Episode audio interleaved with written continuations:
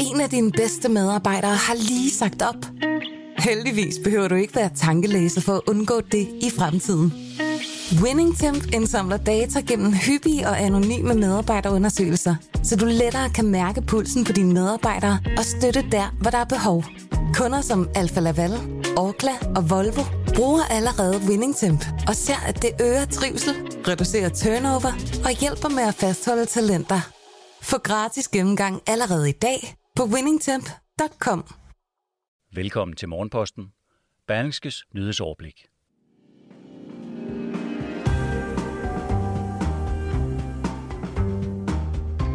Nærkontakter kan i særlige tilfælde møde på arbejde på sygehuset, bosteder og i ældreplejen.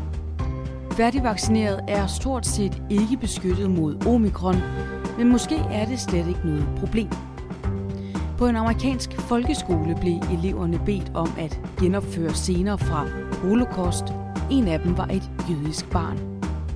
Morgenposten er hermed i gang. Det er tirsdag den 21. december, som markerer vintersolværet. Og det vil sige, at det er årets korteste dag.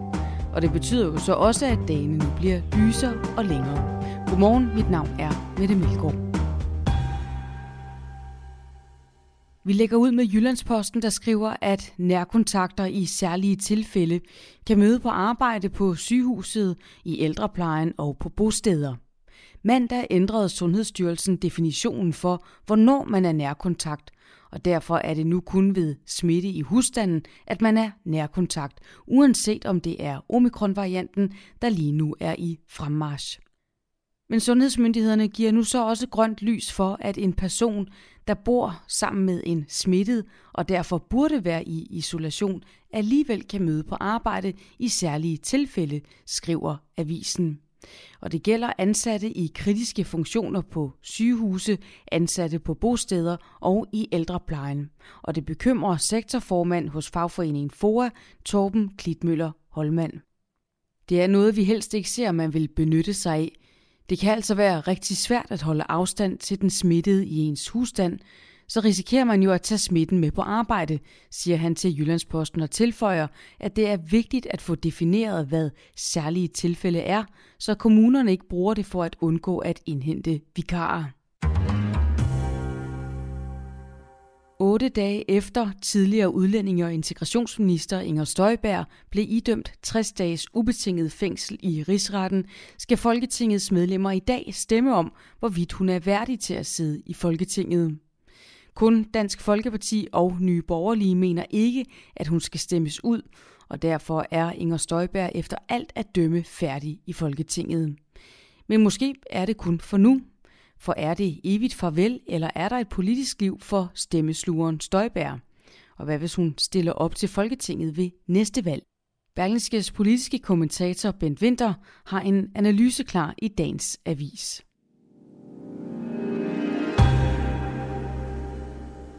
Vi skal en tur over Atlanten til en amerikansk folkeskole, hvor eleverne blev bedt om at genopføre holocaust-scener, heriblandt et jødisk barn. Barnet skulle således lege Adolf Hitler og i citationstegn begå selvmord, mens et andet barn skulle lade som om han var blevet sat på toget på vej til en koncentrationslejr og måtte lade livet i et gaskammer.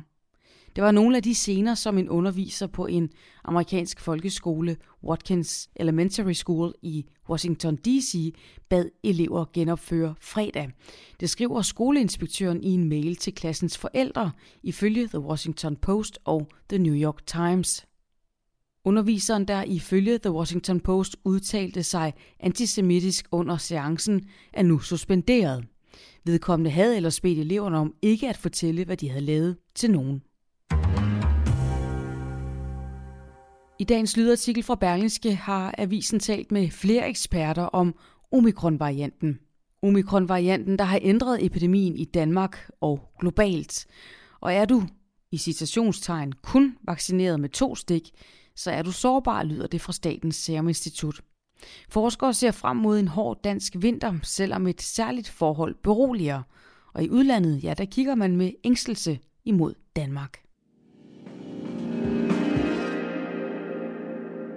Selvom du, som millioner af danskere, er færdigvaccineret, har du stort set ingen beskyttelse imod at blive smittet med coronavirus. I hvert fald ikke, hvis det gælder smitte med omikron-varianten, der er i hastig fremmarch i Danmark. Her er de første antagelser fra Statens Serum Institut, at to vaccineskud stort set ikke giver beskyttelse imod infektion med omikron-varianten. I bedste fald er beskyttelsen imod varianten kraftigt vigende i forhold til delta-varianten, lyder det i en rapport fra SSI fra den 17. december. Med de erfaringer, der ganske vist er forløbige, må millioner af danskere forberede sig på risikoen for at blive smittet hen over vinteren. Men det er ikke nødvendigvis et problem. Camilla Fode er professor i vaccinedesign ved Københavns Universitet. Hun ser med spænding på SSI's daglige overblik over omikron-variantens udbredelse i Danmark. Meget er fortsat usikkert, men én ting er rimelig sikkert. Varianten vil fortsætte med at sprede sig, og der er altså en vis sandsynlighed for, at en stor del af danskerne bliver smittet, inden vinteren er omme. De foreløbige fra både SSI, men også udlandet tyder dog på, at sygdomsforløbet med omikron-varianten kan være mildere. Som person bør man egentlig agere, som om man ikke er vaccineret, og opføre sig som sidste år. Men vi kan trække tiden, og det bliver afgørende for sundhedsvæsenet. For lige nu ved vi reelt ikke, hvordan det udvikler sig. Det er også derfor, at hele verdens øjne er på Danmark.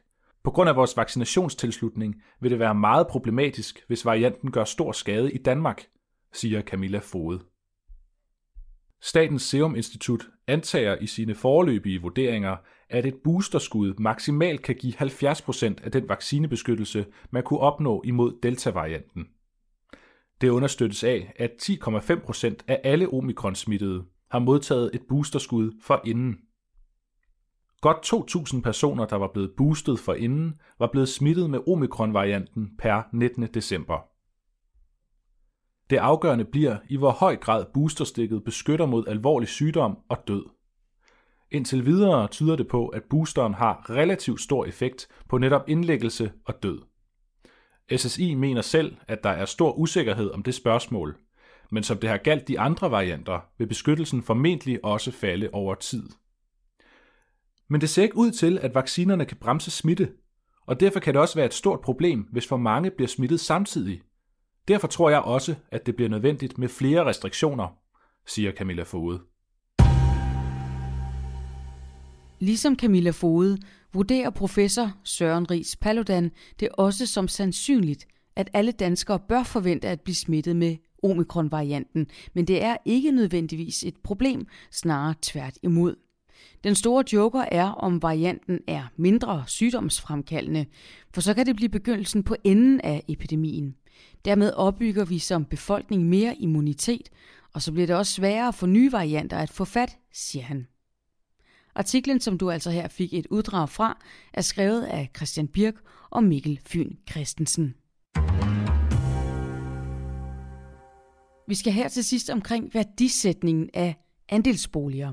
Boligministerens ekspertudvalg har nemlig afleveret sine anbefalinger og anbefaler to konkrete modeller for, hvordan priserne på andelsboliger skal fastsættes, efter at de offentlige vurderinger af foreningernes ejendomme er afskaffet. Indrigs- og boligminister Kåre Dybvad Bæk er åben for begge modeller, men heller især til den ene, siger han til Berlingske. Ekspertudvalget har udarbejdet i alt seks modeller og anbefaler altså to, der kan træde i stedet for de offentlige vurderinger. De tre af dem tager udgangspunkt i 2012-vurderingerne, hvor udvalget anbefaler den, der handler om at foretage en nettoprisindeksering med afsæt i 2012-vurderingerne. De tre øvrige løsningsmodeller handler om at forlænge gyldighedsperioden på valuarvurderinger fra de nuværende 18 måneder. I den ene model foreslås en forlængelse til eksempelvis 2,5 år, 5 år eller 10 år, som også er den boligministeren hælder mest til. Kåre Dybvad Bæk skal i gang med at drøfte diverse modeller med Folketingets partier efter nytår. Lidt om dagen i dag. Det er kl. 13.15, at Folketinget skal stemme om, hvorvidt Inger Støjberg kan blive siddende i Folketinget, eller om hun erklæres uværdig som følge af den dom, hun jo altså modtog i rigsretten sidste uge. Forventningen er, at hun erklæres uværdig. Kl. 13.30 holder det europæiske lægemiddelagentur pressemøde, og det gør de hver 14. dag for at give en status på agenturets aktuelle aktiviteter vedrørende coronapandemien. Og som nævnt, ja, så har vi taget hul på årets korteste dag. Det er vintersolværv, som markerer skiftet i jordens hældning, og derfor vil den nordlige halvkugle nu igen bevæge sig nærmere solen. Det betyder, at dagene igen bliver længere. Mange steder i Danmark er dagen i dag kun cirka 7 timer lang.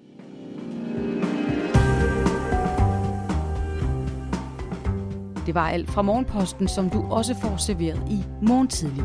Det er fra klokken 6. Jeg vil ønske dig en rigtig god dag.